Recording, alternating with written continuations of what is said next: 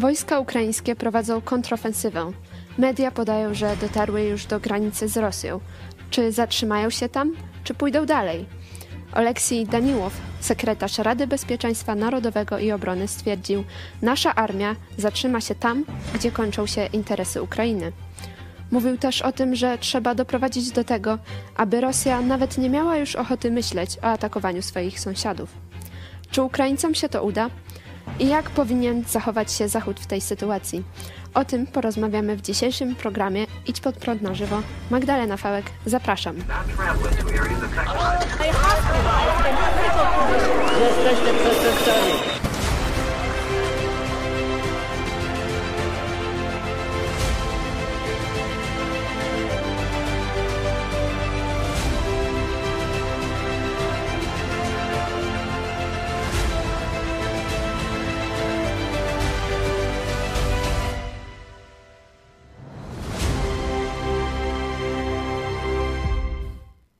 Witam bardzo serdecznie, a ze mną e, na łączach jest e, dr Tomasz Pawłuszko, ekspert do spraw e, bezpieczeństwa Instytut Sobieskiego. Witam bardzo serdecznie. Dzień dobry panie redaktor, dzień dobry państwu. Dzień dobry.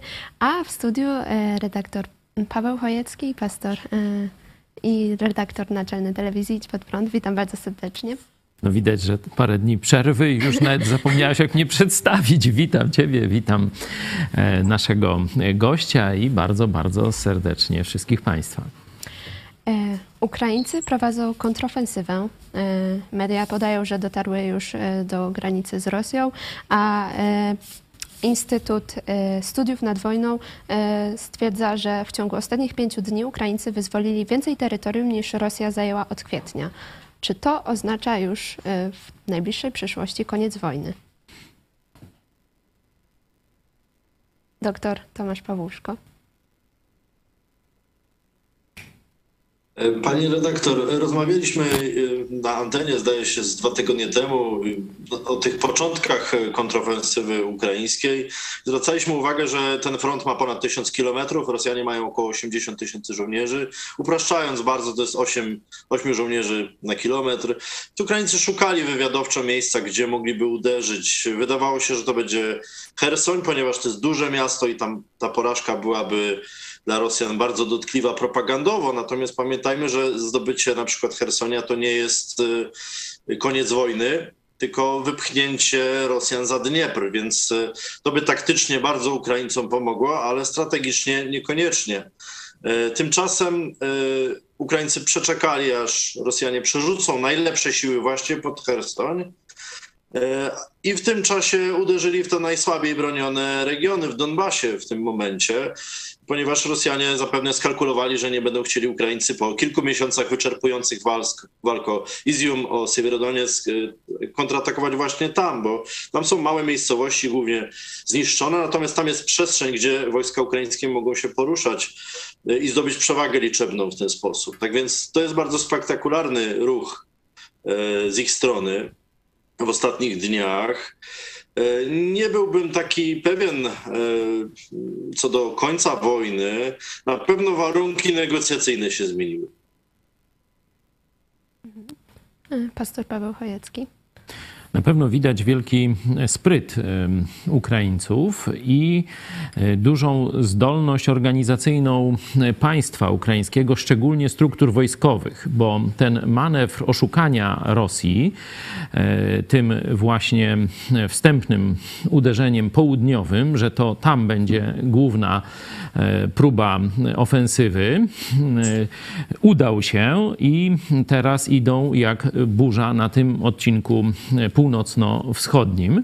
E, oczywiście też postępując dalej na południu, także to e, pokazali też, że mają duże zaplecze, duże odwody, ponieważ praktycznie prowadzą e, dwie ofensywy i jednocześnie e, pokazali właśnie duże zdyscyplinowanie i stosunkowo słabe nasycenie tej nowej armii ukraińskiej agenturą rosyjską, bo Rosjanie dali się złapać w pułapkę. E, mówiłem, że w państwie azjatyckim, jakim jest Rosja, jeśli chodzi o mentalność, to e, takie upokorzenie wodza, jego klęska może doprowadzić do buntu albo jego dworu, albo nawet e, części poddanych. Że tu właśnie taka druzgocąca klęska, upokorzenie Putina e, i jego najemników jest, można powiedzieć, receptą na uratowanie Rosji. Tak powiem troszkę troszeczkę przewrotnie. Nie? Oczywiście nie chodzi o uratowanie Rosji imperialnej, nie chodzi o uratowanie Rosji Putina, ale uratowanie tych Rosjan, który, którzy, można powiedzieć, są w niewoli państwa Putina. Także upadek tego, tego złowieszczego kolosa, e, który mam nadzieję rozpoczęli teraz Ukraińcy, bo tu koniec tej ofensywy, e, to już e, w naszym tytułowym pytaniu, czy, czy to jest Krym, czy Kreml, nie? E, są już takie memy, że tam dowódcy polowi ukraińscy się pomylili, no e, i meldują wykonanie zadania na Kremlu, a o właśnie widzicie, a toż ja mówiłem, Zełenski mówi, ja mówiłem Krym, a wyście zajęli Kreml, no. E, także widać, że nastroje tu są bardzo dobre. Ale jeden z wysokich przedstawicieli, właśnie z którego ten tytułśmy wzięli z wywiadu, z nich pan Daniłow, e, powiedział, że e, celem tej wojny jest upadek imperialnej Rosji. I to jest najważniejsze przesłanie, że Ukraińcy już dzisiaj otwarcie mówią o zwycięstwie, którym, które oznacza likwidację imperialnej Rosji Putina. I to jest najlepsza dla świata wiadomość. Tak. Pan e, Oleksij Daniłow, sekretarz Rady Bezpieczeństwa Narodowego i Obrony, właśnie e, powiedział w wywiadzie dla e, Głosu Ameryki, koniec wojny oznacza wyzwolenie wszystkich naszych terytoriów. Ale musimy zrozumieć, jeśli Rosja pozostanie taka, jaką jest, to tylko kwestia czasu, nim rozpocznie kolejną wojnę. Dlatego naszym zadaniem jest sprawić, by Rosja nie miała nawet ochoty myśleć, że może zaatakować swoich sąsiadów, zwłaszcza w taki sposób, jaki zrobiła to w stosunku do naszego kraju.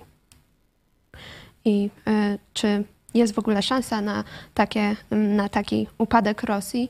Y, taki jak właśnie tutaj pisze e, Oleksij Daniłow. Nie taki z tego 1989 roku, tylko taki, żeby rzeczywiście Rosja nie była, e, już nie myślała o ataku na e, sąsiadów i o innych takich rzeczach.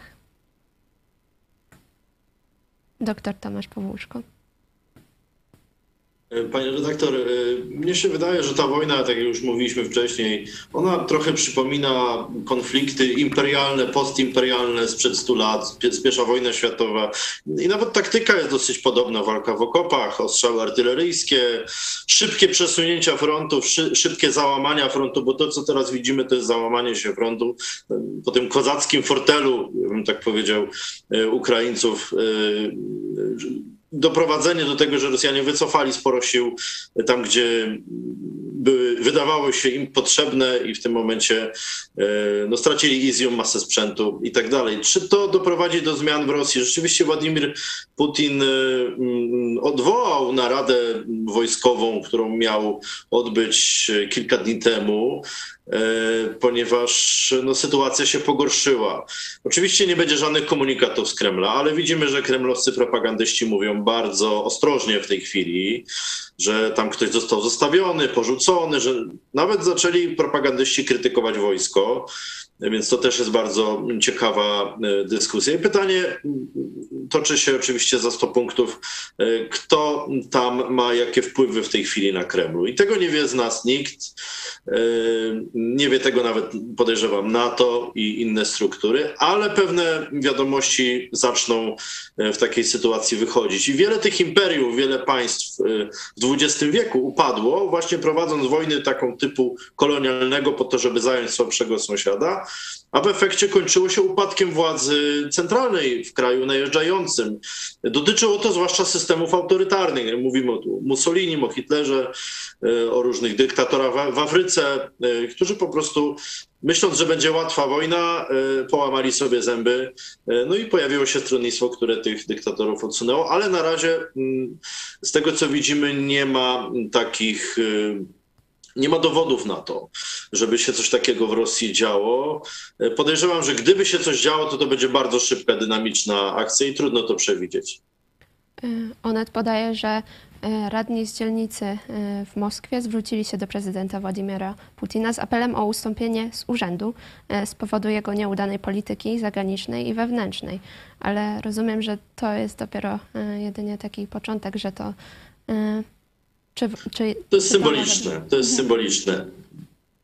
Tak, takie gesty się pojawiają. Wcześniej, zdaje się, z Petersburga e, podobny sygnał wyszedł. Zaraz się tam policja nimi zajęła, już tam za jakieś całkiem inne przestępstwa. No to takie e, każdy reżim totalitarny e, tego typu robi no, próby zdławienia jakiejś krytyki, zniszczenia głosów, przynajmniej takich wstępnie niezależnych. Znamy to także z Polski. Tutaj chciałem zwrócić uwagę na nie to, co się dzieje tam na Kremlu, bo tu, jak pan doktor mówi, po pierwsze nie wiemy, a po drugie guzik nas to obchodzi. Nie? E, Kreml trzeba zniszczyć, a nie tam e, będziemy nasłuchiwać, co oni tam mówią, czy nie mówią. I tu pan Daniłow bardzo jasno, wyraźnie to powiedział. Kiedy ta wojna się skończy, gdzie się zatrzyma, armia ukraińska? No tam, gdzie się skończą interesy ukraińskie. Gdzie się skończą interesy ukraińskie? Tam, gdzie upadnie imperialna Rosja. I jasno mówi o tym, że należy doprowadzić do powrotu Rosji do tych granic, które miała przed XIX wiekiem. Tak mówi jasno, że Rosja właśnie dokonała podbojów kolonialnych w XIX, w XX wieku. To powinno zostać jej odebrane. Te narody powinny jakąś formę niezależności uzyskać, a Rosja powinna wrócić do jakiegoś niewielkiego terytorialnie e, kształtu. E, tu należy też nadmienić obszar, który nas najbardziej interesuje, czyli Królewiec, czyli dawne polskie Prusy. Nie?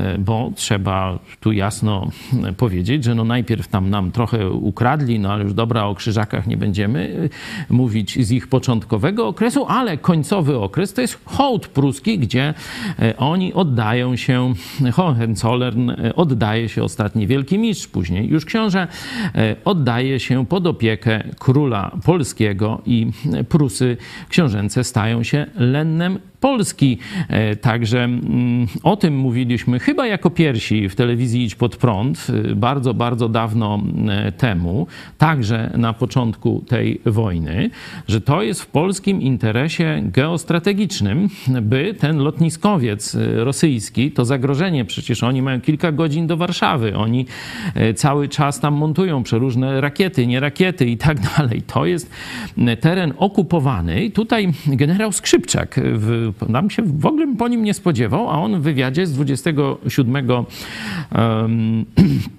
sierpnia powtórzył tezę, tezę Zidź pod prąd, że właśnie e, okręg królewiecki jest no, terenem okupowanym bezprawnie przez e, Rosję sowiecką, teraz putinowską. Powinien wrócić do Polski no można by się, teraz temat reparacji powrócił, no to można by się z Niemcami dogadać, że tam powiedzmy część ten, tej infrastruktury, tam jeszcze po niemieckiej, no to może byśmy tam nieco zmniejszyli e, te reparacje, e, ale trzeba też pamiętać, że to będzie teren zdewastowany. Nie? To jest przecież teren, który jest w okupacji najbardziej barbarzyńskiego e, imperium w dziejach świata, imperium rosyjskiego, sowieckiego, czyli to jest teren skażony na pewno, tam ogromna ilość baz wojskowych, sprzętu.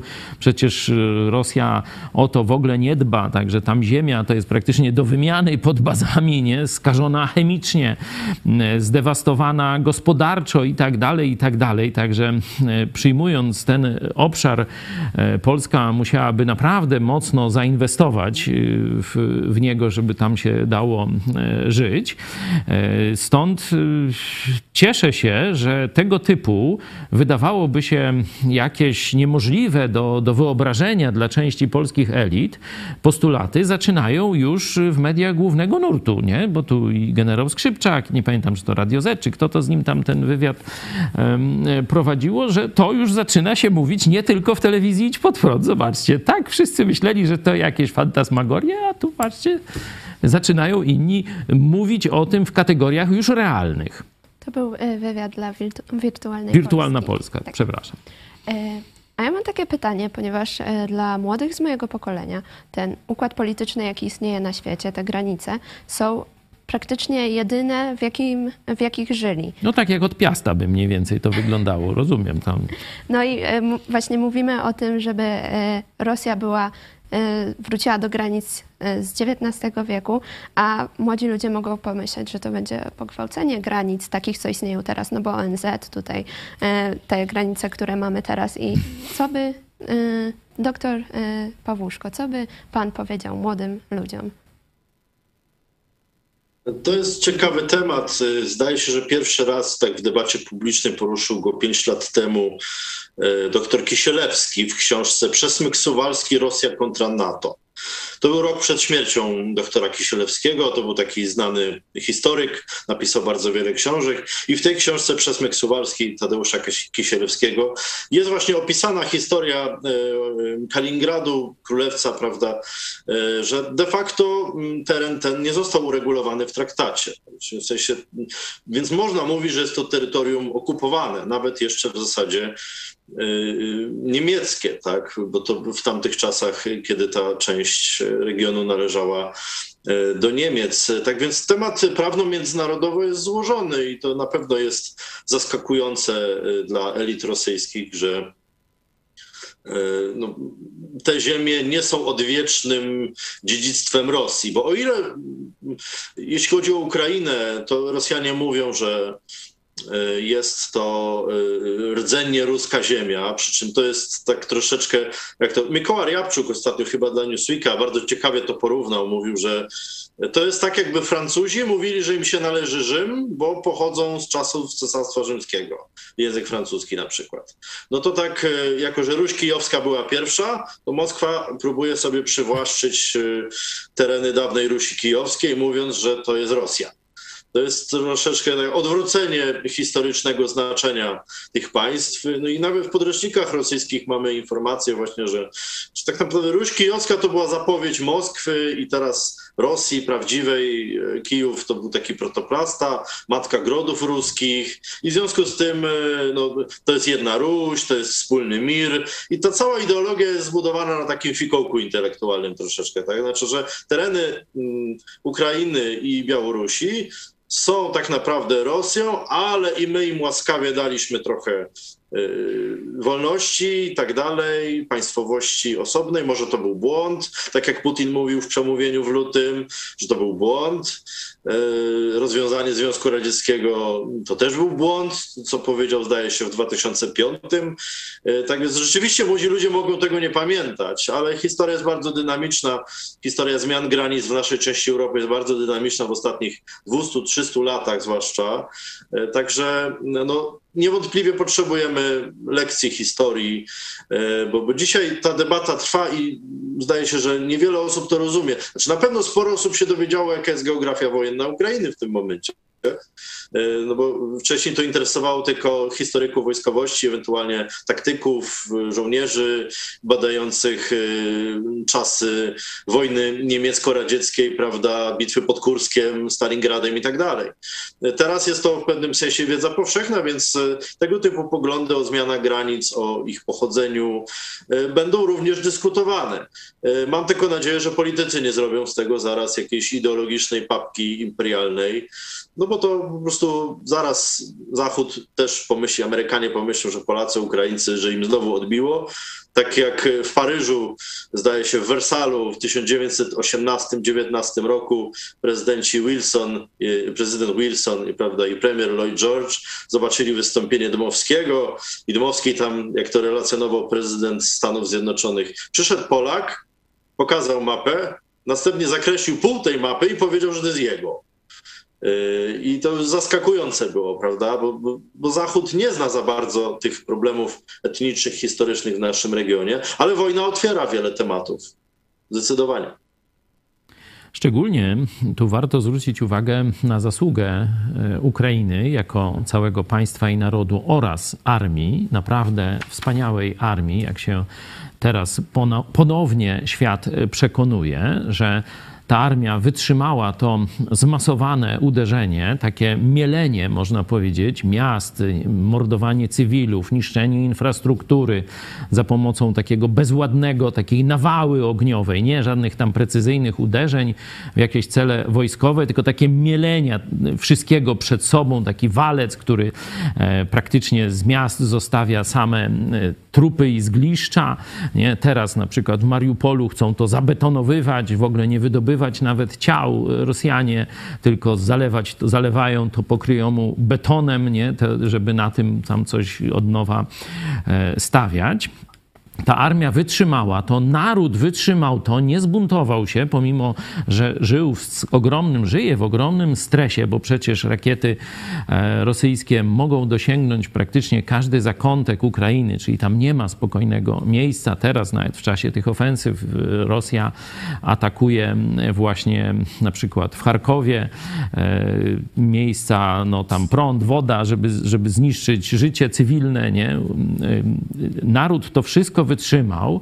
E, naród wytrzymał poniewierkę, emigrację paru milionów kobiet i dzieci e, i teraz e, rozwija wspaniałą, błyskotliwą ofensywę. Także armia i naród ukraiński pokazali, że Rosja jest słabym państwem, a jej armia jest absolutnie nieprzygotowana do wojny z dzielnym, dobrze uzbrojonym przeciwnikiem. Ona może zastraszać, ona może niszczyć słabych, ale jest tchórzliwa i spieprza przed silnym przeciwnikiem. To pokazał żołnierz i naród ukraiński. No i teraz trzeba powiedzieć B jeśli Rosja ma tak słabą armię, to y, przyjmowanie tych y, jakichś y, obaw przed imperializmem, przed siłą Rosji jest kompletnie bezzasadne. Rosja to jest twór na glinianych nogach, to jest potwór bardziej niż twór.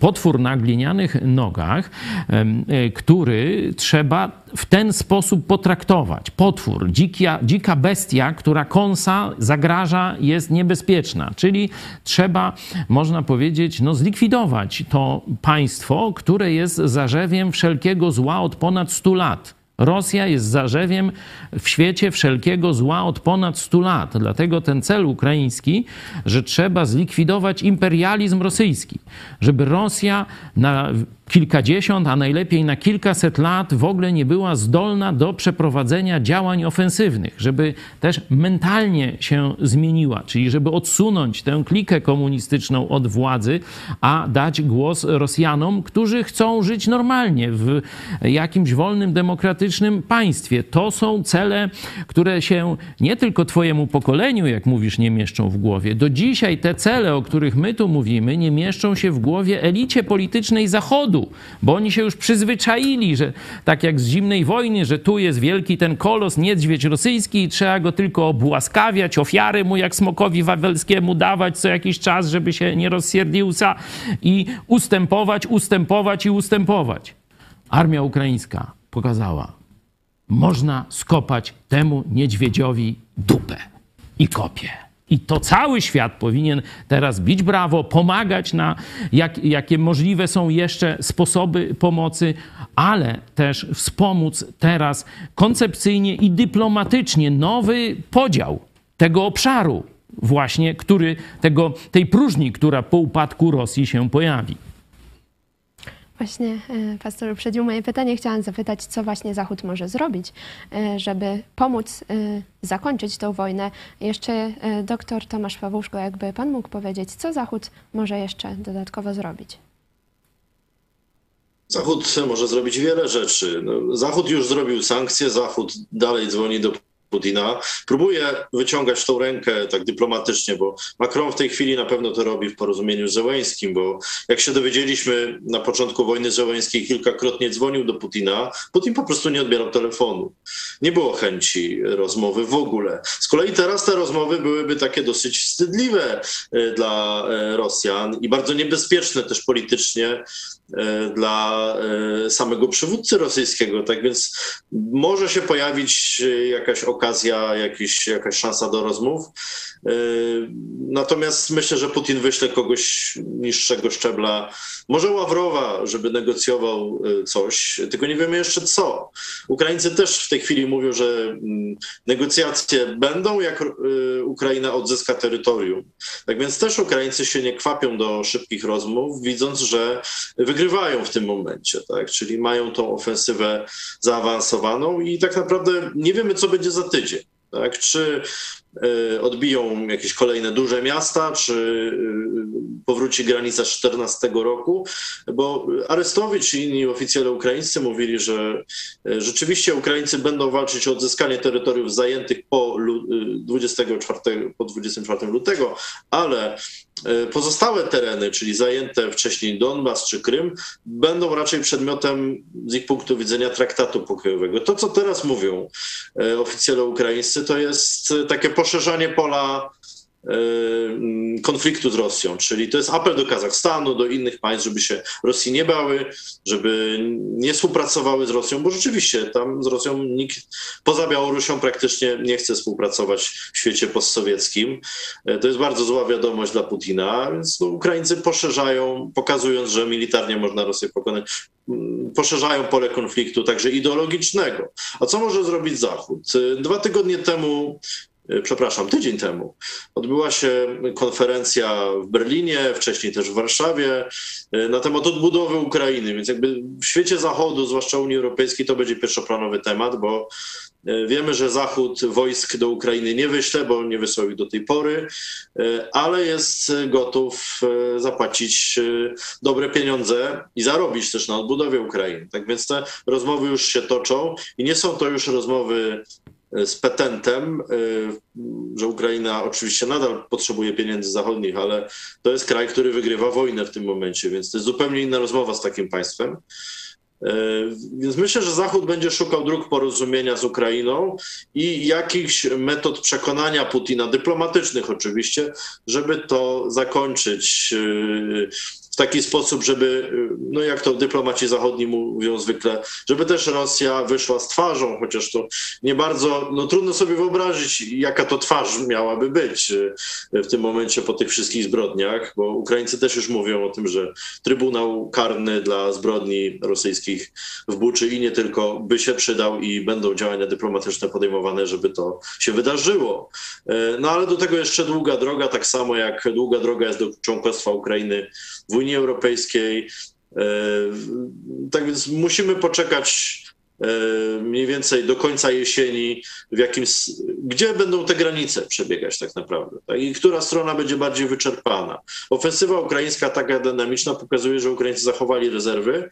Rosjanie w pośpiechu zwiększają armię, ale to dopiero szkolą rekrutów, więc może będą chcieli tą wojnę przedłużać, liczyć, że Zachód z powodu e, zakręcenia kurka z gazem i, i, bez węgla, e, że Zachód zacznie mięknąć, przestanie wspierać Ukrainę. Ukraińcy wiedzą, że mają mało czasu, muszą brać to mm, pod uwagę, że politycy demokratyczni na Zachodzie będą słuchać wyborców, a jak wyborcy będą e, rozpaczać, że przez Ukraińców jest im zimno, no to wiecie Państwo, no, Vox Populi, Vox Dei, tak? Więc no, to nie są przywódcy y, Zachodu sprzed 100 lat, którzy rządzili światem i umieli podejmować strategiczne decyzje. To są raczej przypadkowi politycy, którzy owszem, no, wy, ale wyrośli w czasach pokoju, wyrośli w czasach y, spokoju, więc oni nie mają tego typu doświadczenia, więc y, bywa tak, że sprawy zagraniczne są dla nich tylko dodatkiem do, do gry politycznej wewnątrz kraju. Więc na to liczy też Rosja, że skłóci liderów Zachodu, że zrobi kilka akcji wywrotowych, może z, y, zrobią zamach jakiegoś udawanego Ukraińca w jakimś Paryżu, prawda? Y, może też Rosjanie pójdą na całość i zrobią zamach na Łukaszenkę i przejmą władzę na Białorusi, skoro Ukraina się nie udała. Scenariuszy jest bardzo dużo.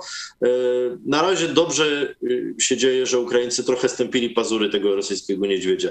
Ale cały czas rosyjskie aktywa, szpiedzy, agentura, dziennikarze, osoby sprzyjające Kremlowi w kręgach politycznych Zachodu, oni cały czas są. Trochę się ostatnio przyciszyli, będą mówić, że, że oni tu zmienili zdanie, ale poczekajmy, bo tak naprawdę nie ma żadnych jeszcze konkretnych ofert na stole, jeśli chodzi o pokój, jeśli chodzi o negocjacje. Yy, zobaczymy, co się wydarzy na przykład w ciągu dwóch najbliższych tygodni. Czy Rosjanie będą mieli czym zatrzymać tą ofensywę? Bo jeśli prawdą jest to, yy, co mówił Sergiej Hajdaj, że już władze obwodowe Ługańska uciekają, te kolaboranci do Rosji, to znaczy, że oni mają świadomość, że tego, tej armii Rosjanie zostawili tam za mało, żeby się obronić. Także sytuacja jest bardzo dynamiczna. Yy, I jeszcze powiem tak, kto bardziej się rozepchnie myślę tu też o Polsce, tak. Kto bardziej się rozepchnie w Europie Wschodniej dzięki mm, takiemu przebiegowi wojny, tym lepiej na przyszłość, bo jesteśmy po szczycie NATO i, i, też Sojusz będzie aktywował różne e, tutaj swoje zasoby w regionie i dobrze by było, aby Polska też brała w tym udział. I nawiążę do tego, co pan doktor powiedział o dwóch obszarach, czyli agentura rosyjska w mediach, w ośrodkach wpływu, czyli na uniwersytetach, w redakcjach przeróżnych, ale także drugi obszar to są ci politycy, którzy mówią o tym, że Rosja ma zachowywać twarz. To tak jakby mówić, że zbiry Hitlera, gestapowcy, SS-mani, e, oni mają wyjść z twarzą z II wojny światowej. Nie? To jest dokładnie ta sama analogia. Taki sam jest zakres i zbrodni, e, i nieuprawomocnionego ataku imperialistycznych celów, e, o metodach to już mówiliśmy wielokrotnie. Także tutaj symetria jest pełna, stąd nowa Norymberga dla zbrodniarzy rosyjskich jest jak najbardziej uzasadniona i ci politycy, którzy mówią, że Rosja ma tu zachować twarz, że trzeba jakiś pokój, żeby jakoś tam uratować Putina, są w rzeczywistości naszymi najgorszymi wrogami, bo z armią Putina poradzą sobie Ukraińcy. Nie? Wystarczy tylko ich dalej wspierać, dostarczać im zaopatrzenia, opiekować się tu ich żonami, dziećmi, które się schroniły w Polsce i tak dalej, i tak dalej. Oni sobie poradzą z tą siłą zbrojną e, Rosji. Widać, jak sobie świetnie radzą, jak ona tam, jak to się mówi, w kalesonach, zostawiając wszystko, broń, amunicję, nawet zaawansowaną technologicznie, zostawiają wszystko i spieprzają. E, także to nie jest już aż tak wielki problem, ale ci politycy po naszej stronie, po stronie Zachodu, którzy mówią o tym, że Rosja ma zachować twarz, oni są największym niebezpieczeństwem. Pan Daniłow mówił, że jeśli się e, uratuje Rosję, czy zachowa Rosję w jej dotychczasowym konstrukcji takiej, tej imperialnej, to ona za parę lat odbuduje swój potencjał, e, zwiększy agenturę, osłabi Zachód i zaatakuje jeszcze raz. Nie? To jest oczywista e, oczywistość, także ci politycy, którzy e, mówią takie rzeczy, e, oni w rzeczywistości są wspólnikami Putina. Trzeba przypomnieć tak zwaną doktrynę konwergencji, e, czyli upodobnienia wschodu i zachodu. Ona tak mniej więcej od lat 60. zaczyna tu rozgrzewać umysły elity zachodniej poprzedniego wieku. Lata 70. to już są pierwsze spotkania tam na Islandii i tak dalej, takie różne odwilże amerykańsko-rosyjskie, no a potem to przybiera na sile. Potem te kontrolowane przewroty w Polsce, pierestrojka w Rosji, to wszystko. E, jest to oczywiście teatr, szopka, e, która jest wcześniej przygotowana przez służby e, specjalne, która ma na celu właśnie upodobnienie systemów wschodu i zachodu, by zbudować taki jeden mir. Gdzieś może daleko jakiś rząd światowy na bazie tego miałby powstać. I można powiedzieć tak w pewnym uproszczeniu, że Stany Zjednoczone wyhodowały potęgę gospodarczą komunistycznych Chin. Właśnie mniej więcej lata 80. to się rozpoczyna hodowanie e, chińskiego smoka przez przenoszenie technologii i oczywiście ci politycy, głównie tam z tych kręgów lewicowych, mówią, ale nie tylko, żeby to nie było, bo też z prawicowych też poszli na ten układ i do dzisiaj też y, są w tym układzie, że była taka koncepcja, że jak się przeniesie technologię, Chińczycy zaczną się bogacić, zachodni styl życia, no to tam wyparuje im z głowy komunizm i staną się demokratycznym państwem. No co się stało, to widzimy teraz to napięcie wokół y, Tajwanu, mniej więcej symetryczne, jeśli chodzi o Rosję, a w tym czasie Rosję hodowały Niemcy w ramach także Unii Europejskiej. Nie? Budowanie zależności, mm, zależności surowcowej mm, od Rosji, właśnie niszczenie zaplecza energetycznego starego kontynentu, czyli węgla, bo tu najwięcej węgla, a to właśnie przecież Unia Europejska na, na rozkaz Rosji, można tak powiedzieć, niszczyła wydobycie i opalanie e, węglem. To oczywiście współpraca technologiczna, przecież sprzęt najwyższej jakości rosyjski jest wyposażony wyposażony właśnie w elektronikę, w optykę francuską czy niemiecką właśnie. Także to jest to samo, co Stalin robił z Hitlerem, nie? E, czyli można powiedzieć, e, politycy e, ci związani z takim epismentem, z komunizmem ze Stanów Zjednoczonych wyhodowali chińskiego smoka, a Unia Europejska, Niemcy przede wszystkim wyhodowali potęgę Putina. Nie? I dzisiaj świat spływa krwią właśnie ze względu na tę ślepą, głupią, bezbożną no bo gdyby czytać Biblię, no to by każdy wiedział, że to są imperia zła. Zresztą prezydent Reagan o tym dość jasno mówił na spotkaniu z protestantami amerykańskimi, tę krucjatę e, przeciwko Rosji, tej, e, tej breżniewowskiej, no to właśnie tam rozpoczynał.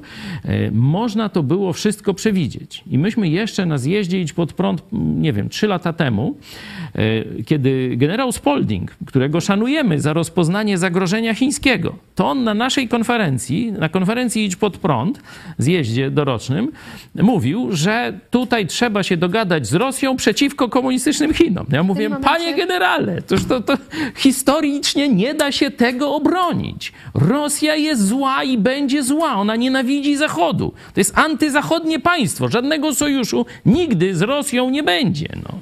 W tym momencie właśnie możemy przypomnieć wypowiedź e, generała Roberta Spaldinga e, o tym, czy Zachód ma szansę przeciągnąć Rosję do współpracy.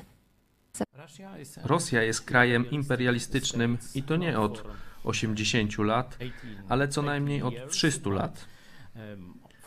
Więc istnieją historyczne powody tego, że Rosja chce odgrywać w świecie rolę przewodnią. Uh,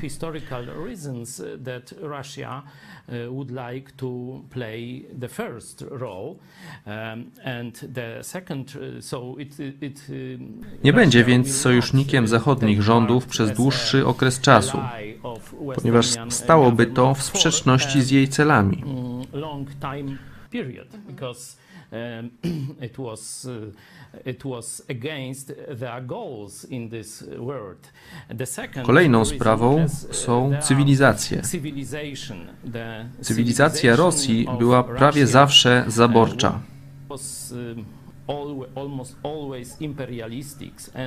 Niestety dzisiaj większość społeczeństwa rosyjskiego popiera Putina, który jest wprost kontynuatorem carów i bolszewickich tyranów. and uh,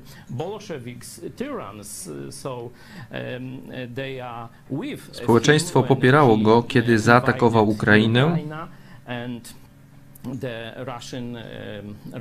Podobnie rosyjski Kościół prawosławny. Uważam, że jest to częścią zamierzonych działań, aby osłabić powiązania pomiędzy autorytarnymi państwami. Uważam, że to ważne, ponieważ to, czego nie chcemy, to aby Chiny, Rosja, Iran, Korea Północna, Wenezuela i Kuba i wszystkie kraje zaangażowane w inicjatywę nowego jedwabnego szlaku stały się czymś na kształt Związku Sowieckiego. Więc ważne jest tworzenie podziałów pomiędzy tymi krajami, które są autorytarne, ale z czasem mogą wybrać inny kierunek. Uważam więc, że jest to częścią szerszej strategii, aby osłabić współpracę pomiędzy niedemokratycznymi reżimami.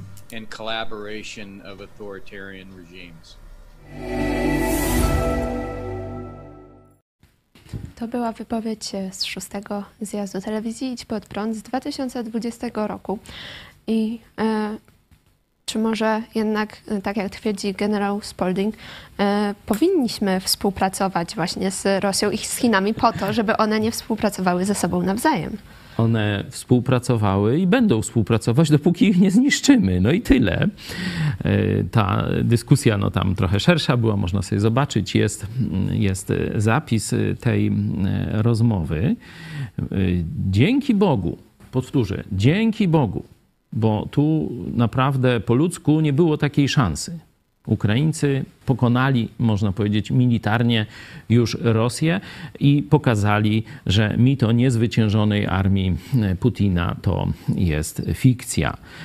Dzisiaj już nikt nie powie tego, co wtedy generał Spolnik, i to mówię, żeby nie było, że to on, no akurat on był na naszym zjeździe, wielu konserwatywnych, podkreślam, nie liberalnych, nie tych tam e, lewackich czy związanych z rządem światowym, ale e,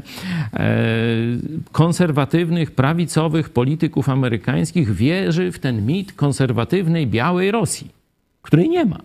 Nie? I nigdy nie było i nie ma. Nie? E, ale oni to powtarzają. No, dzisiaj, dzięki temu, co się stało na Ukrainie, dzięki Bogu, ten mit został kompletnie skompromitowany. Dzisiaj już nikt e, przy zdrowych zmysłach nie powie, że będziemy tu z Rosją budować jakiś antychiński sojusz. Dzisiaj im się zmieniło. Dzisiaj chcą mówić, że z Chinami będą robić sojusz antyrosyjski. Jedno jest tak samo głupie jak drugie. No, trzeba niestety oba te reżimy komunistyczne pokonać naraz. No nie ma innej drogi. Doktor Tomasz Pawłuszko. Rzeczywiście był taki manewr, to, był, to się nazywa tak potocznie odwrócony Kissinger, bo pamiętamy, że w latach 70. Amerykanie, żeby pokonać Sowietów, zawarli taktyczny sojusz z Chińczykami. To kosztowało oczywiście Tajwan E, uznanie jego suwerenności, niepodległości. E, wtedy Chiny stały się ludowe tym reprezentantem Chin, a Republika Chińska na Tajwanie e, została dyplomatycznie zmarginalizowana. To była cena, jaką Amerykanie wtedy zapłacili za włączenie się Chińczyków do gry komunistycznych Chin, oczywiście, przeciwko komunistycznym Sowietom, przeciwko Moskwie. Tak więc pojawiały się głosy za Trumpa, a także za Bidena e, ostatnio. Jeszcze w styczniu Biden, zdaje się, o ile pamiętam, przedłożył ofertę Putinowi, że słuchajcie, tam za plecami macie Chińczyków, to będzie wasz problem, zostawcie Ukrainę. Taka taki był przekaz Bidena. Ale Putin miał swój plan, który prawdopodobnie z Chińczykami uzgodnił. E, na igrzyskach E, jeszcze w lutym tego roku, przed wojną rosyjsko-ukraińską, że ten najazd jednak będzie.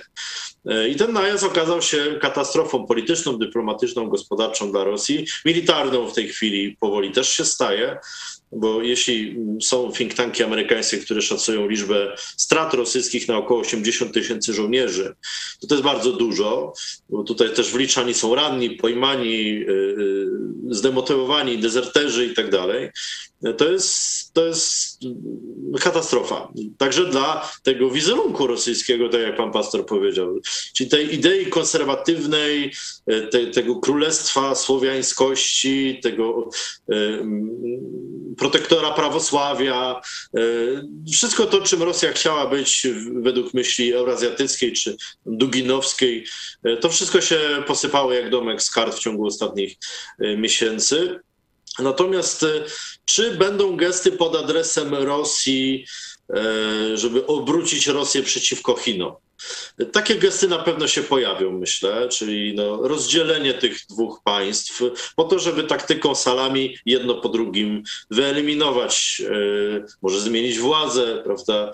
Tutaj Zachód rzeczywiście się przeliczył, myśląc, że demokratyzacja czy po prostu kapitalizm Chińczyków zdemokratyzuje, yy, uczyni ich yy, liberalnymi demokratami, przy czym Chińczycy po prostu odtworzyli model sobie w komunizmie, odtworzyli sobie model e, takiego takich rządów mandarynów troszeczkę cesarskich, e, którzy, gdzie partia jest po prostu takim jednym wielkim think tankiem, e, który no, jest technokratyczny i kontroluje społeczeństwo tak jak w dawnych czasach, a że teraz są nowe narzędzia, to my to postrzegamy jako totalitaryzm. Chińczycy to postrzegają jako powrót do wartości dawnej epoki, bo pamiętajmy, że na rok 2049, czyli na stulecie Chińskiej Republiki Ludowej, Chińczycy chcą już rządzić światem. To mówią już ostatnio wprost.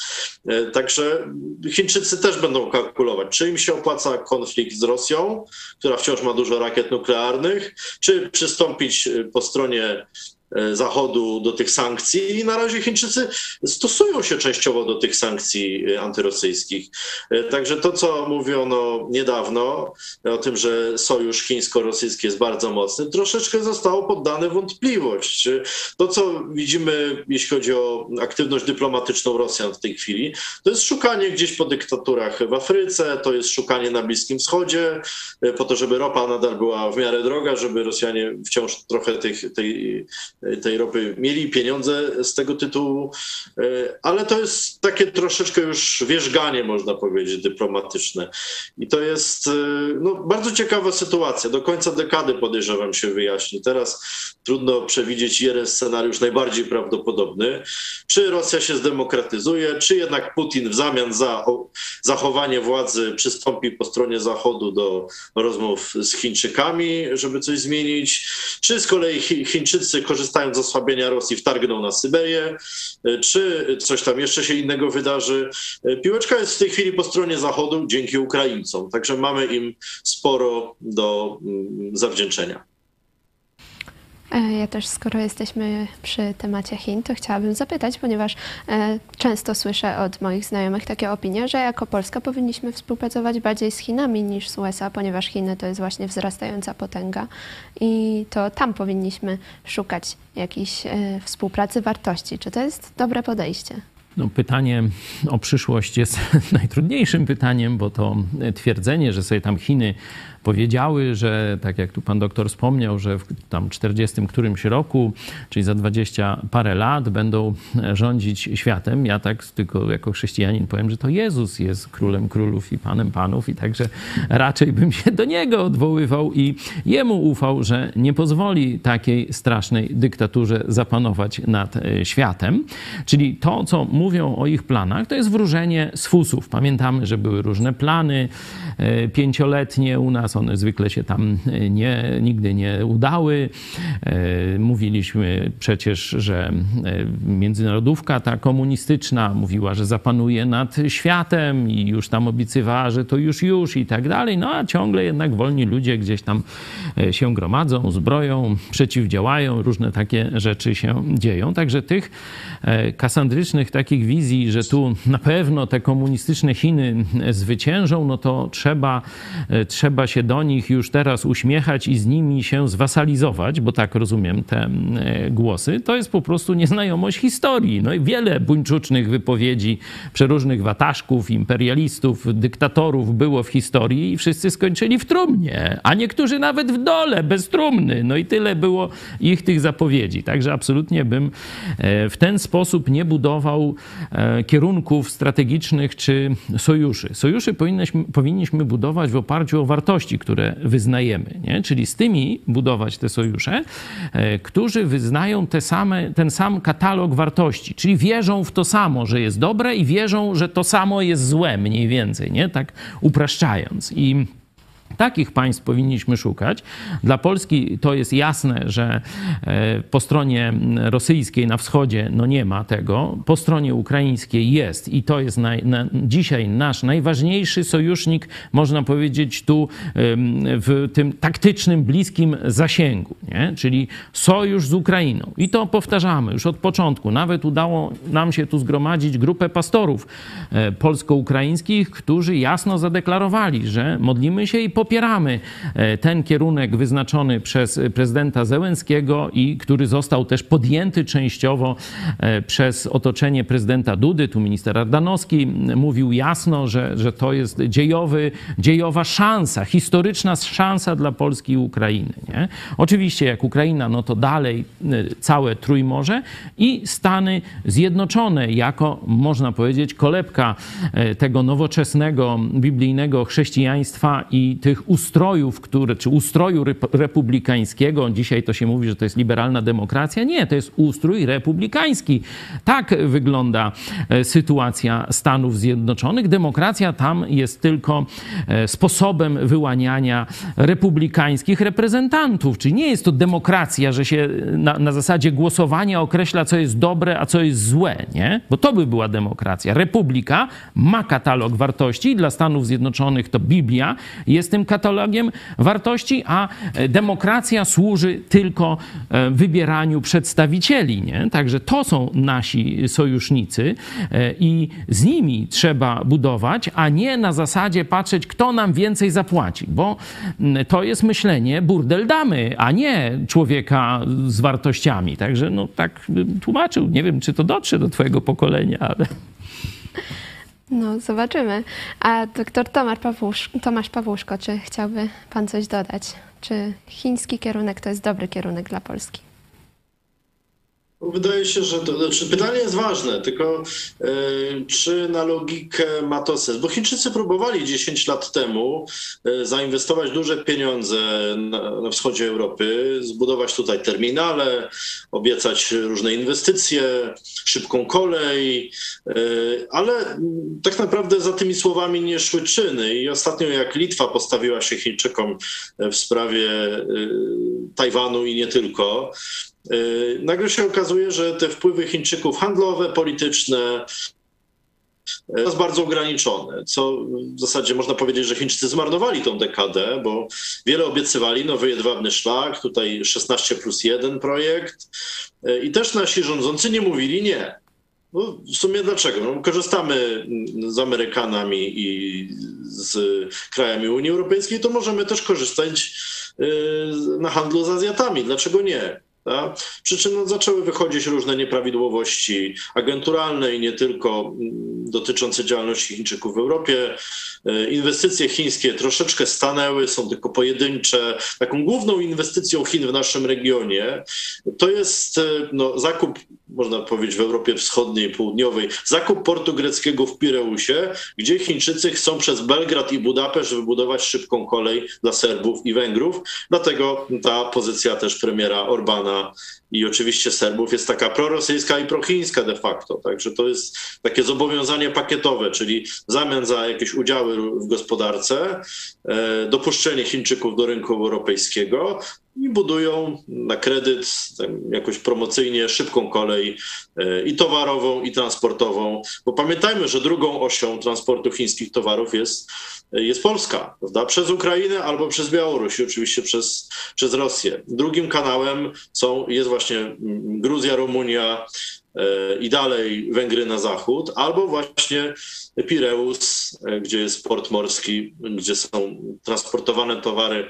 z kanału Sueskiego, z całej Azji, tak jak kiedyś, przez Imperium Osmańskie, tak teraz do Pireusu i dalej transportowane przez Bałkany w Europie. Także ten biznes chiński bardzo rokował, ale widzimy, że jak ja przeglądałem ostatnio plany inwestycji w infrastrukturę w naszej części Europy, bo też piszę raport na ten temat i y, plany budowy dróg, autostrad, terminali, konektorów gazowych, y, tuneli jakichś różnych, prawda? To jest na za 10, za 15 lat. Więc w tej perspektywie żadna biznesowa e, taka alternatywa chińska nie będzie dla nas atrakcyjna. E, jeśli chodzi o atrakcyjność kulturową, również Chińczycy się przekonali, że raczej ponieśli porażkę. Część instytutów Konfucjusza e, się rozwija, część się zawinęło, bo były też podejrzenia również o działalność agenturalną. E, tak więc jest to, jest to troszeczkę dla Chińczyków taki kłopot propagandowy. Podejrzewam, że Chińczycy w tej chwili cieszą, że to Rosjanie stali się czarnym ludem numer jeden. E, I tu też e, w tym czasie Chińczycy spróbują się dostosować do nowej sytuacji w razie zmian granic w Europie czy, czy w razie porażki Rosji. Także tu jest bardzo dużo tematów, jak pani widzi, powiązanych. Natomiast fakty mówią za siebie tak, że ani ideowo, bo my nie jesteśmy tacy jak e, Amerykanie, którzy stwierdzili, że wykorzystają maksymę e, Denga, Xiaopinga, że nieważne, czy kot jest czarny czy biały, ważne, żeby łapał myszy. Czyli to Chińczycy próbują pragmatycznie podejść, przepraszam, Amerykanie do Chińczyków próbują podejść pragmatycznie, że dogadajcie się z nami, a nie z Rosjanami. Ale jeśli chodzi o spór o wartości, o, o idee polityczne, społeczne, e, no to ten zachodni republikanizm zdecydowanie różni się od e, chińskiego modelu imperialnego i one długofalowo będą w sprzeczności. Okej, okay, będą nam imponować chińskie wieżowce, chińskie budowle, e, chińskie imprezy, ale jednak ta, ten dystans kulturowy jest zbyt duży żeby i polityczny, i nawet geograficzny, żeby Chiny były dla nas tutaj jakąś alternatywą względem Zachodu, no, gdzie przecież się znajdujemy w tym momencie. No można by dodać jeszcze taki, taką ocenę po owocach. Troszeczkę ten temat e, pan doktor rozpoczął, że z tych wielkich zapowiedzi to nic praktycznie nie wychodzi. To jest e, tylko traktowanie w sposób kolonialny e, Polski. Przecież bilans handlowy, no to najprościej można zobaczyć mniej więcej kraje współpracujące o podobnym potencjale czy, czy partnerskie, no mają zbilansowany, czyli zrównoważony. Starają się wymienić wymieniać towarami, a nie żeby była jakaś szczególna dysproporcja, że jeden produkuje, drugi kupuje tylko, jest, jest tylko klientem. W przypadku komunistycznym, komunistycznych Chin my jesteśmy jednym wielkim klientem. To jest dzisiaj już, nie wiem, 13 do 1, jeśli chodzi na niekorzyść Polski, nie? no to, to, to młodemu pokoleniu, przynajmniej takiemu, które troszeczkę liznęło ekonomii, no może te liczby pokażą ogromną ogromną dysproporcję, że absolutnie e, to nie jest nasz partner handlowy. On chce nas tylko wykorzystać e, jako, że tak powiem, droga do Europy Zachodniej, tylko skolonizować w ramach tej inicjatywy jedwabnego szlaku, że po drodze najpierw e, idą pieniądze, a potem bazy wojskowe. Przecież towarzysz Brown z Konfederacji sam ogłosił, już zrobił taki balon próbny, taką, tak zobaczył, czy w Polsce można już y, powiedzieć o, oficjalnie o zaproszeniu wojsk chińskich. Nie? On to powiedział. W kampanii wyborczej towarzysz Brown, którego rodzina, że tak powiem, siedzi w Stanach Zjednoczonych, a on tutaj, y, że tak powiem, y, no, chce prowadzić polską politykę i robi ją albo na rzecz Rosji, albo na rzecz komunistycznych Chin. I on właśnie chciał tu budować Fort Xi. Zobaczcie, że część nawet tych narodowców, bo to jest jakaś tam skrajna grupa e, polskich e, narodowców, czy tam bardziej już, tu bym powiedział, narodników chyba, no nie przekreśliła Brauna za tak karygodne słowa, że on chce do Polski ściągać wojska chińskie. E, czyli zobaczcie, że inicjatywa ta jedwabnego szlaku, ona absolutnie nie dotyczy tylko jakichś tam sprzedaży, kupowania, budowy portów czy różnych takich rzeczy, tylko służy zwykłemu, zwykłemu imperializmowi komunistów chińskich.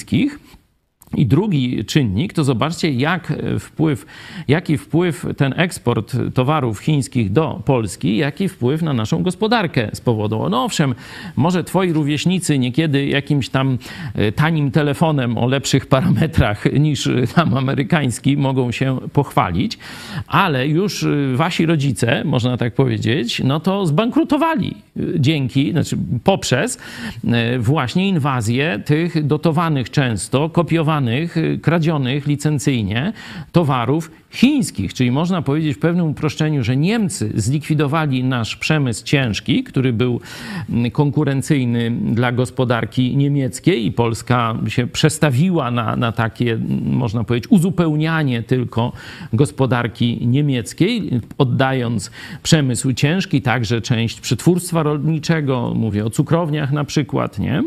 A Chińczycy zniszczyli przemysł lekki. Polski. Nie? No i teraz jesteśmy, że tak powiem, na łopatkach gospodarczo. No pojawia się ta oferta tajwańska, żeby z Polski zrobić centrum e, produkcji najnowocześniejszych technologii. Nie? Ale no, ekipa pisowska, no tam wojny ideologiczne, hitem się zajmuje różnymi takimi rzeczami, a nie poważnymi sprawami. No. W 2020 roku deficyt w handlu e, z Chinami wyniósł 22,5 prawie miliardów e, dolarów. Także e, bardzo duży deficyt i to był rekord w, porównaniu z poprzednimi latami. A ja chciałam jeszcze... A teraz zrobiliśmy jeszcze znaczny krok do przodu zapewne, jak towarzysz Gomułka mówił. Ja chciałam jeszcze wrócić e, na chwilę do tematów ukraińskich. E, minister spraw zagranicznych Litwy, Gabrielius e, Landsbergis, stwierdził, że Ukraina zasłużyła na nasze pełne wsparcie w postawieniu Putina przed sądem za każdą popełnioną przez niego zbrodnię i też e, przedstawił w pięciu punktach plan, który pomoże Ukrainie zakończyć tę, tę wojnę szybko i na zawsze. I w jednym punktu jest to e, trzeci punkt, wyraźnie określić czerwone linie i bardzo jasno przedstawić Putinowi konsekwencje ich przekroczenia, aby zniechęcić go do wykonywania ostatnich desperackich ruchów. Ale tu e, musi być gotowość do pełnego uderzenia na Sowiety, łącznie z opcją nuklearną. Bo wiecie, no tu się zgadzam oczywiście z tym litewskim politykiem, tylko e, po stronie Zachodu na razie nie widać takiej determinacji. Oni wręcz nawet mówią, że czegoś nie zrobią. Nie? Przynajmniej by nic nie mówili, to by było lepiej. A oni mówią, że na przykład nie zestrzelą tam ruskich samolotów e, atakujących e, kobiety i dzieci na Ukrainie. Nie? Czyli oni przeciw, przeciwskuteczną politykę na razie prowadzą. Nie? Ale ten postulat jak najbardziej, tylko że no, wydaje się, że stery, to co pan doktor trafnie powiedział, że to są politycy albo agenturalni, albo wychowani w czasie pokoju. Tam nie ma przywódców. No, tak można powiedzieć. Właśnie chciałam zapytać, czy państwa zachodnie w ogóle są w stanie postawić granice Putinowi i reagować, gdy zostaną one przekroczone, bo na razie mi to przypomina tylko sytuację, jak była Liga Narodów i tylko mówiła, e, gdy Hitler... No, tam nie bądź taki zły Hitler, no co ty tam, tam znowu kogoś zaatakowałeś, no weź się uspokój, no. Doktor Tomasz Pawłuszko, czy państwa zachodnie są w stanie postawić granice i pilnować ich, aby nie przekraczał Putin ich? Będzie to trudne. Widać, że Zachód stosuje taktykę kija i marchewki, czyli tutaj e, litewski minister pokazał kija, e, potem prezydent Macron pokazał marchewkę. E, tak więc Putin cały czas ma jeszcze opcję do wyboru, że tak powiem. Więc e, jego pozycja będzie oczywiście słabnąć, bo e, znów to jest problem z pewną wyobraźnią polityczną elit, zwłaszcza zachodnich, ale też i naszych ponieważ no, my żyjemy w takich czasach. No, Rosja marzy o powrocie XIX wieku i oni gdzieś tam prawda, sobie żyją. Zachód też marzy o tym, że wtedy był spokój i, i wtedy też było fajnie. E, my z kolei ciągle myślimy, że zaraz będą kolejne zabory, więc my to żyjemy jeszcze w XVIII wieku często. E, a tutaj no, sytuacja ma miejsce tu i teraz. E, I z tymi zasobami poznawczymi, które mają nasi politycy, będzie ciężko. To znaczy. Będą różne propozycje negocjacyjne, będą różne jakieś propozycje układów bezpieczeństwa, może jakiś nowy format, y, po to, żeby wyciszyć na zimę ten konflikt. Y, y, więc, tak jak już mówiliśmy wielokrotnie, decydujące będą rozstrzygnięcia militarne.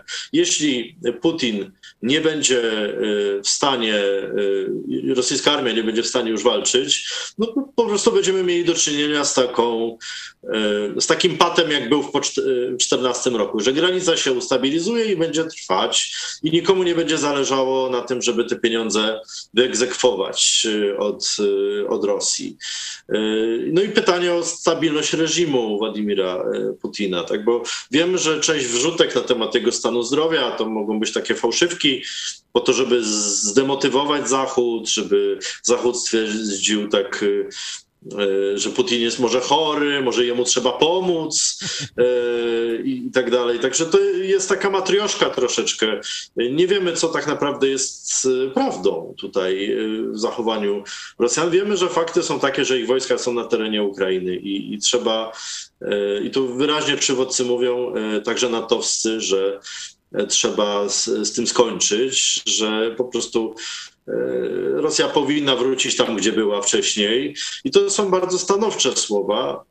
Natomiast pomiędzy tym, jakie są fakty, a jakie są opinie, no, bardzo wiele musi dojść do zmian e, umysłowych, że tak powiem, bo e, ja podam Państwu takie małe porównanie, że na przykład handel e, Niemiec z Rosją jest łącznie kilkunastokrotnie mniejszy niż handel z krajami tak zwanego Trójmorza.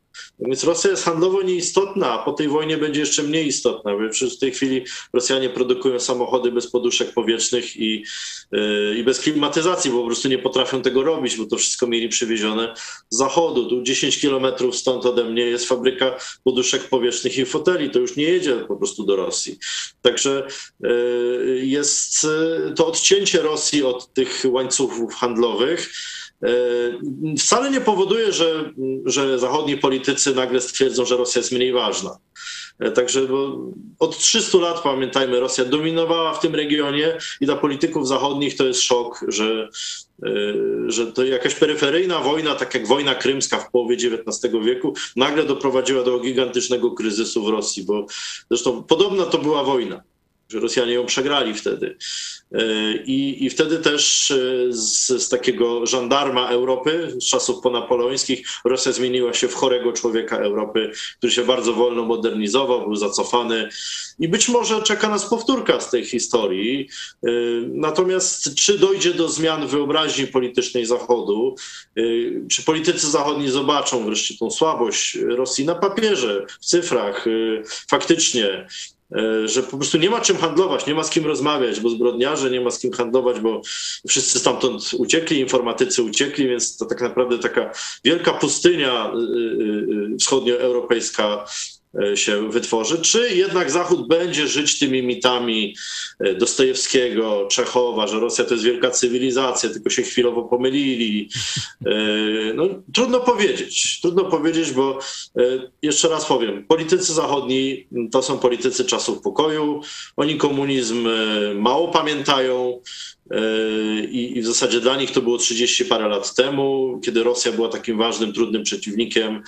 E, także przyzwyczaili się do Rosji, z którą można rozmawiać, więc ta zmiana wyobraźni e, trochę potrwa. Tak, nadziei na e, polityków tej, tego rozdania obecnego na zachodzie wielkich nie mamy, szczególnie w Niemczech. Stany Zjednoczone no, trochę lepiej, nawet pod y, demokratycznym y, z partii tej powiedzmy lewicującej, y, dość dobrze funkcjonują, jeśli chodzi o mm, zaopatrywanie Ukrainy, ale nasza nadzieja jest w politykach i w wojsku ukraińskim. I oni myślę, że absolutnie nie zgodzą się na te granice z 2014 roku. Oni najpierw wyzwolą całą Ukrainę, a potem będą chcieli doprowadzić do spacyfikowania imperialistycznego imperialistycznych dążeń Rosji. Raz na zawsze, żeby wybić jej zęby, żeby to przestało być zagrożenie dla świata, szczególnie dla Ukraińców, Polaków, Białorusinów, Litwinów, Łotyszy, Estończyków, czyli tych, którzy tu są najbliżej tej komunistycznej bandy. E, także tu jest, jest na poziomie ludzkim nasza największa nadzieja, że i wojsko, politycy, i naród ukraiński rozumieją dzisiaj swoją misję dziejową pokonać imperium zła raz na zawsze. Ja jeszcze e, chciałam się odnieść, pastor wspominał wcześniej o broni nuklearnej i e, o to też się martwią nasi widzowie. E, mogę przeczytać kilka komentarzy. Joanna Zielińska, obawiam się, że jak Putin zostanie przeciśnięty, to nie cofnie się przed użyciem najgorszej z broni. Jego zdaniem lepiej być winnym niż okazać słabość. I Johnny Walker, kraje Zachodu powinny pomyśleć, jak zneutralizować potencjał nuklearny Rosji, bo to będzie największe zagrożenie, gdy zostanie w nieodpowiednich łapach. I moje pytanie jest takie, e, może te kraje Zachodu, które nie stają tak ostro przeciwko Rosji, robią dobrze, ponieważ za wszelką cenę chcą uniknąć tej wojny nuklearnej? To jest proste pytanie. Gdyby uderzenie nuklearne dało korzyści Rosji, jak myślicie, czy Rosja już by dawno nie wykonała tego uderzenia? Proste pytanie. Jeśli uderzenie nuklearne jest tak korzystne dla Rosji, jak się obawiacie, tu mówię o tych, co zadają to pytanie, to czy Rosja już dawno by tego nie wykonała? Tyle w temacie. Mhm. Doktor Tomasz Pawłuszko.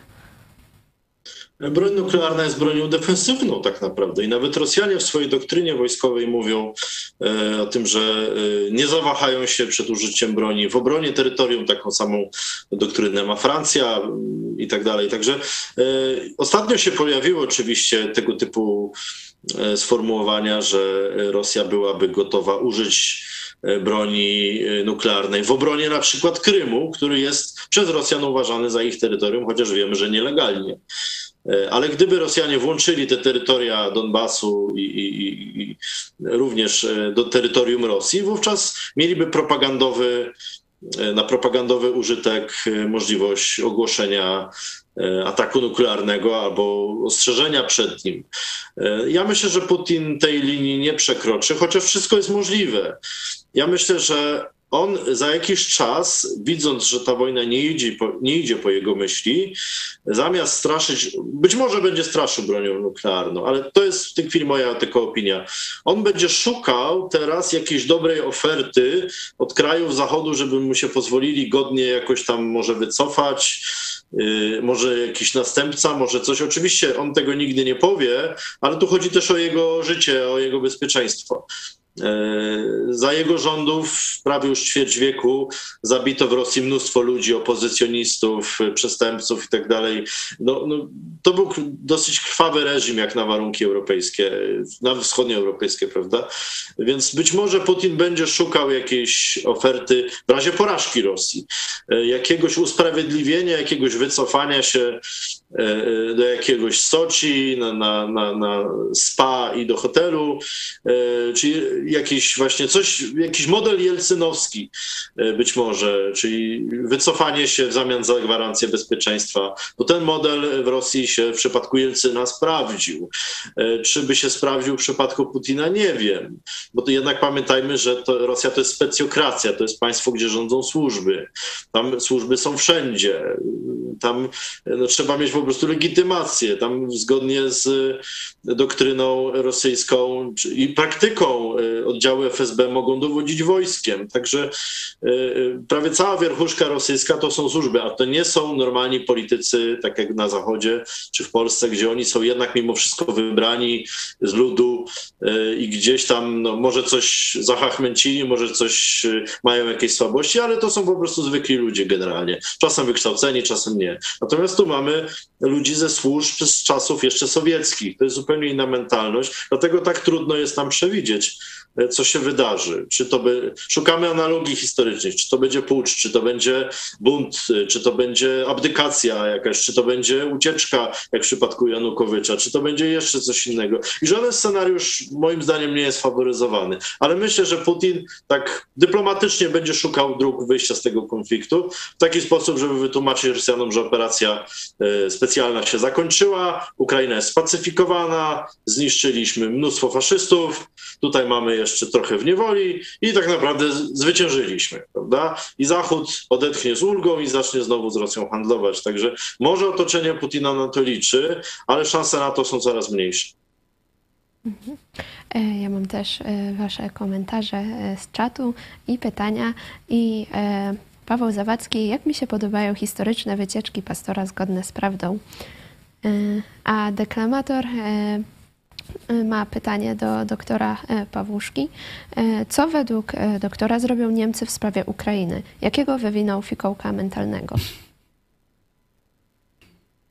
Czy Niemcy zaczną mówić, że zawsze wspierali Ukrainę, że zawsze handlowali z Ukrainą, że teraz będą wspierać odbudowę Ukrainy, że niemieckie firmy, a Niemcy są w tym dobrzy, pojadą do Kijowa z jakimś ważnym politykiem w liczbie trzech samolotów, podpiszą mnóstwo kontraktów, e, powiedzą, że nie będą już tak współpracować z Rosją, e, jakby no, użyją całej tej machiny swojej dyplomacji gospodarczej, bo to jest na przykład ten rodzaj dyplomacji, który my, zaniedbaj, my zaniedbujemy. Jak byłem 10 lat temu, 10 lat temu w Berlinie e, w MSZ tamtejszym i pokazano nam e, Departament Promocji Polityki Zagranicznej Niemieckiej, to tam już pracowało tysiąc osób ponad. U nas w, tym, w tamtym czasie w Polsce mieliśmy osób 12 12, a 1000, prawda? E, I proporcje są mniej więcej podobne. Dlatego Niemcy są potęgą handlową, zagrają tą kartą na pewno. No tutaj oczywiście propagandowo, politycznie Scholz jest takim nudziarzem, więc on wygłosi jakieś przemówienie. Wszyscy i tak już mają na jego temat wyrobioną opinię, e, ale on e, raczej będzie lawirował tak, żeby nie stracić władzy w SPD, bo pamiętajmy, że spora część SPD jest prorosyjska, bo to jest jeszcze dawny NRD, więc tam jest 10 milionów ludzi kojarzących, znających język rosyjski, to jest kawał elektoratu, więc on nie będzie taki stanowczy, ale na pewno mm, w tematach gospodarczych Niemcy będą chciały nadrobić to, co zaniedbały swoją postawą polityczną. Dziękuję e, za tę e, wypowiedź. Mam nadzieję, że e, nasi widzowie, że nasz widz będzie usatysfakcjonowany. Jeszcze jeden komentarz. Józef Midor.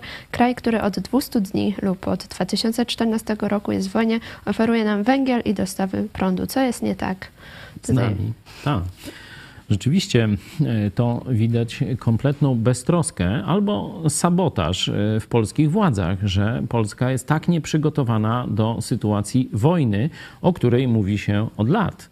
E, no, Ukraińcy, zobaczcie, zrobili wspaniałą robotę. Przygotowali armię, przygotowali społeczeństwo, przygotowali instytucje państwowe, nie, przygotowali też wojnę propagandową, bo w tym naprawdę są świetni, a my my w tym czasie nawet węgla nie potrafiliśmy zgromadzić. To pokazuje, że nasze elity polityczne e, to są ludzie absolutnie nieodpowiedzialni do rządzenia tak dużym i ważnym narodem w środku Europy. To są ludzie, którzy e, obrzucają się jak dzieci w piaskownicy różnymi tam epitetami, wojenki ideologiczne jakieś tam robią, a nawet nie potrafią no, czegoś oczywistego. Polska no, leży na węglu, nie? i na innych tam bogactwach, a oni nawet tego zagospodarować nie potrafią. No.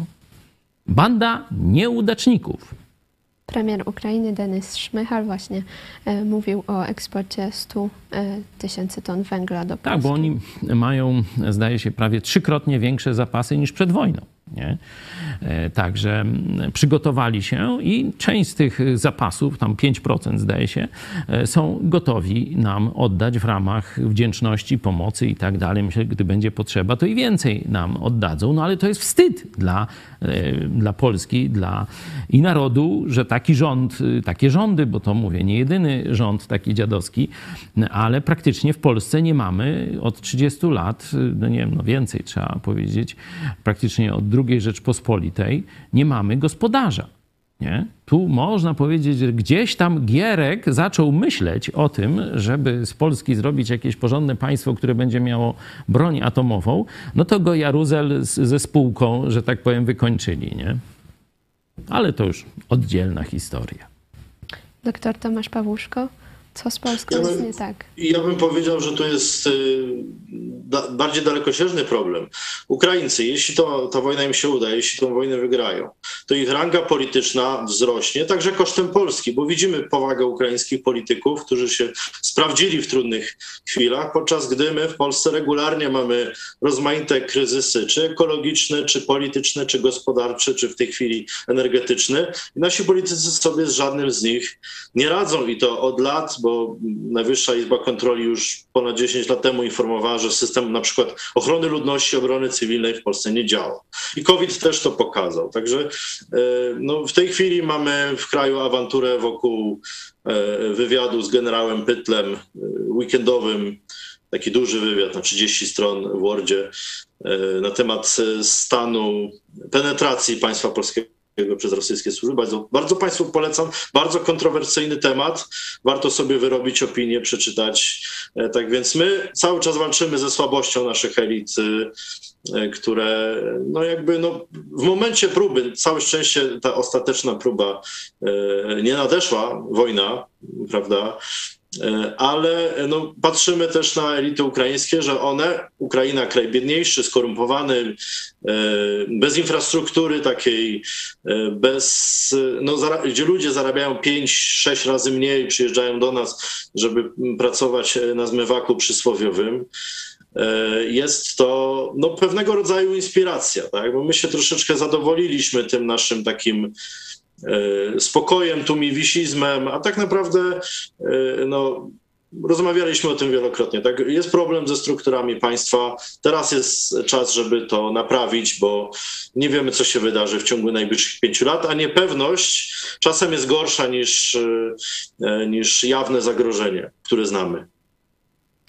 Tak, no ja mówiłem tu kilkukrotnie, że tak jak Polska miała wielkiego przywódcę, kiedy upadały imperia, także imperium e, carów, imperium rosyjskie pod koniec I wojny światowej, mieliśmy przywódcę na miarę marszałka Piłsudskiego. Dzisiaj Polska nie ma takiej klasy przywódców, a Ukraina ma prezydenta Zełenskiego. No ale to już jakbyśmy jakiś sojusz zawarli, to przynajmniej jeden Piłsudski będzie w tym sojuszu. No.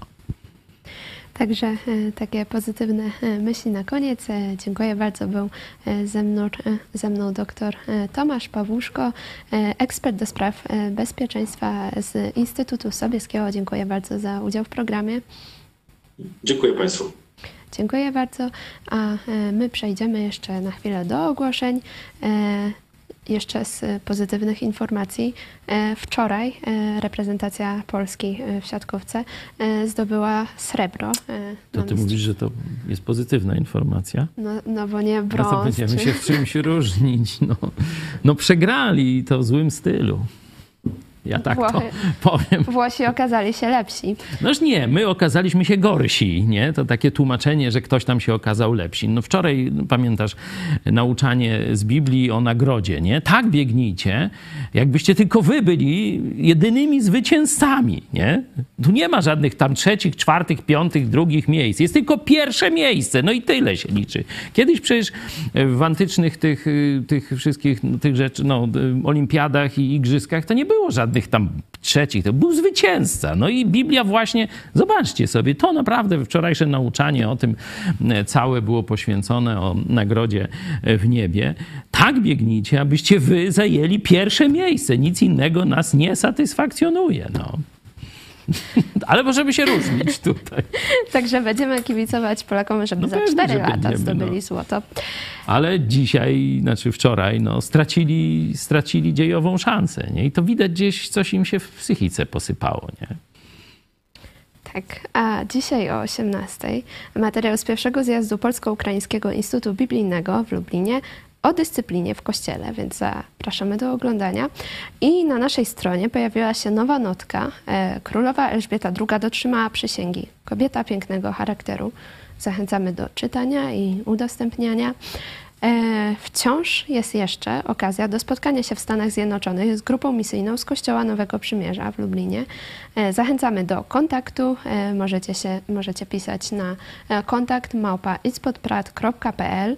ktoś się do Was odezwie, no i zachęcamy do spotkania się na żywo z naszą grupą misyjną. A następna grupa misyjna ruszy e, za miesiąc mniej więcej. Także tych, którzy by chcieli się spotkać z nami e, w okolicach Chicago czy na Florydzie, też zapraszamy już dziś do kontaktu. Przypominamy też o wsparciu telewizji Idź Pod Prąd, ponieważ wszystko, co tutaj się dzieje, co tutaj widzicie, dzieje się dzięki Wam i Waszym wpłatom. I e, możecie nas wesprzeć i tutaj jest e, adres strony idźpodprad.pl wsparcie, tam znajdziecie wszystkie potrzebne informacje. I też mamy e, opcję Patronite, e, patronite.pl itspodprat. Zachęcamy do wspierania i też zachęcamy do kontaktu telefonicznego na numer 536 813 435. Telefon odbierze e, Michał Fałek, e, więc zachęcamy e, do kontaktu. A po programie dzisiaj pomyśl dziś pastora Chojeckiego, dlaczego urzędnik powinien mieć mało władzy nad nami i kartka z kalendarza Piotra Setkowicza, traktatu o ostatecznym uregulowaniu wobec Niemiec. I jeszcze myślę, że możemy poprosić e, fragment e, z przemówienia pastora Chojeckiego z początku wojny o tym, e, że modlimy się o pokój przez zwycięstwo Ukrainy. Także to. Po... A nie pokój na podłych warunkach i by dalej być niewolnikami Moskwy. To mówiłem pierwszych dniach wojny. Chwała Bogu, że możemy dzisiaj, no już, że tak powiem, oglądać spełnienie się tych modlitw, tych życzeń i dalej módlmy się. Pray for Ukraine. Taką mamy akcję i też możecie sobie czy koszulki, czy jakieś torby, czy, czy e, też w mediach społecznościowych tę akcję i ten hashtag używać. E, także to, co się dzieje, to jest dzisiaj, tak odczytujemy, bo modliliśmy się o to pół roku temu, odpowiedź Boga. Chwała Mu za to.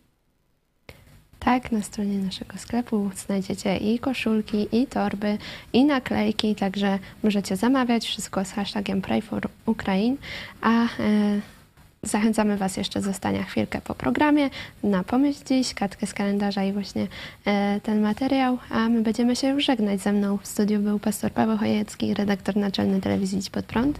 Dziękuję córce Michała Fałka, nie? bo tu nie powiedziałeś, że to twój tata jest przy telefonie. Odbiera telefony. Kto by chciał teraz zadzwonić e, do nas i porozmawiać, być może umówić się na kontakt też osobisty, to bardzo serdecznie Was zapraszamy. Dziękuję Tobie i Państwu. Dziękuję bardzo za udział w programie. Ja również dziękuję e, Wam, że byliście z nami. Do zobaczenia. Dlaczego urzędnik powinien mieć jak najmniej władzy? Odpowiedź na to pytanie zależy od naszego światopoglądu, od e, patrzenia czy oceny natury człowieka. Czy człowiek jest z gruntu dobry, czy z gruntu zły? Czy jak ma wybór, to raczej robi dobre rzeczy, czy raczej robi złe rzeczy? A jeszcze inaczej, kiedy ma trudny wybór, kiedy na przykład ktoś mu się nie podoba albo z jakiegoś powodu y, mu podpadnie, to czy z natury będzie go traktował dobrze, będzie mu dawał dobre rzeczy, czy raczej będzie starał się e, zemścić, będzie się starał odegrać, będzie się starał pokazać swoją wyższość. No albo e, czy człowiek jest z natury pracowity i kiedy musi wykonać wysiłek, no to go podejmie, czy też raczej będzie próbował zastosować psychologię. Może niech pójdzie do innego, może kto inny niech się tym zajmie, może udam, że nie widzę, może poczekam, może sprawa się jakoś przedawni i tak dalej, i tak dalej. Myślę, że wystarczy już e, tego typu e, rozważań, by dojść do wniosku, że człowiek oczywiście może robić różne dobre rzeczy, urzędnik też może być miły, może robić różne e, dobre rzeczy. No, jeśli ma dobry dzień, dobry humor, ktoś się do niego uśmiechnie, czy liczy na jakąś inną korzyść, ale kiedy sytuacja jest trudna, kiedy E, przepisy skomplikowane, no to wtedy będzie odwlekał, będzie stosował psychologię. E, kiedy jeszcze klient się zdenerwuje, e, powie mu jakieś cierpkie słowo, no to już wtedy tak zrobi, że popamięta. Inaczej mówiąc, będąc zdani na wielką władzę i łaskę i niełaskę urzędnika, jesteśmy w przeważającej części zdani na jego grzeszną naturę. Jeśli z kolei będzie on miał mało władzy, no to nawet mając grzeszną naturę, szkody wielkiej nam nie wyrządzi.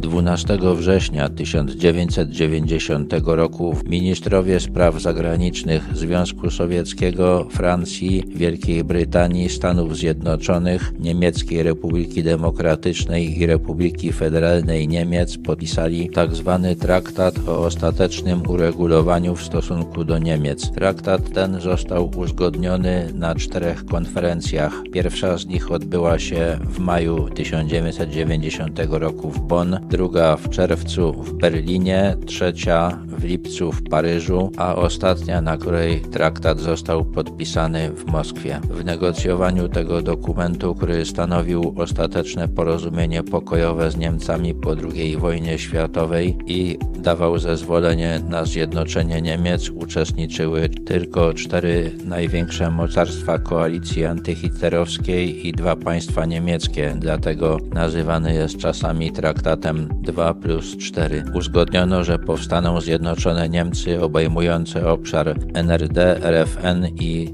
Berlina. Zjednoczone Niemcy zmienią swoją ustawę zasadniczą tak, aby uniemożliwić przyłączanie do tego państwa innych terytoriów. Armia niemiecka licząca wtedy ponad 500 tysięcy żołnierzy zostanie zredukowana do 370 tysięcy, a państwo niemieckie zrezygnuje z posiadania broni atomowej, biologicznej i chemicznej.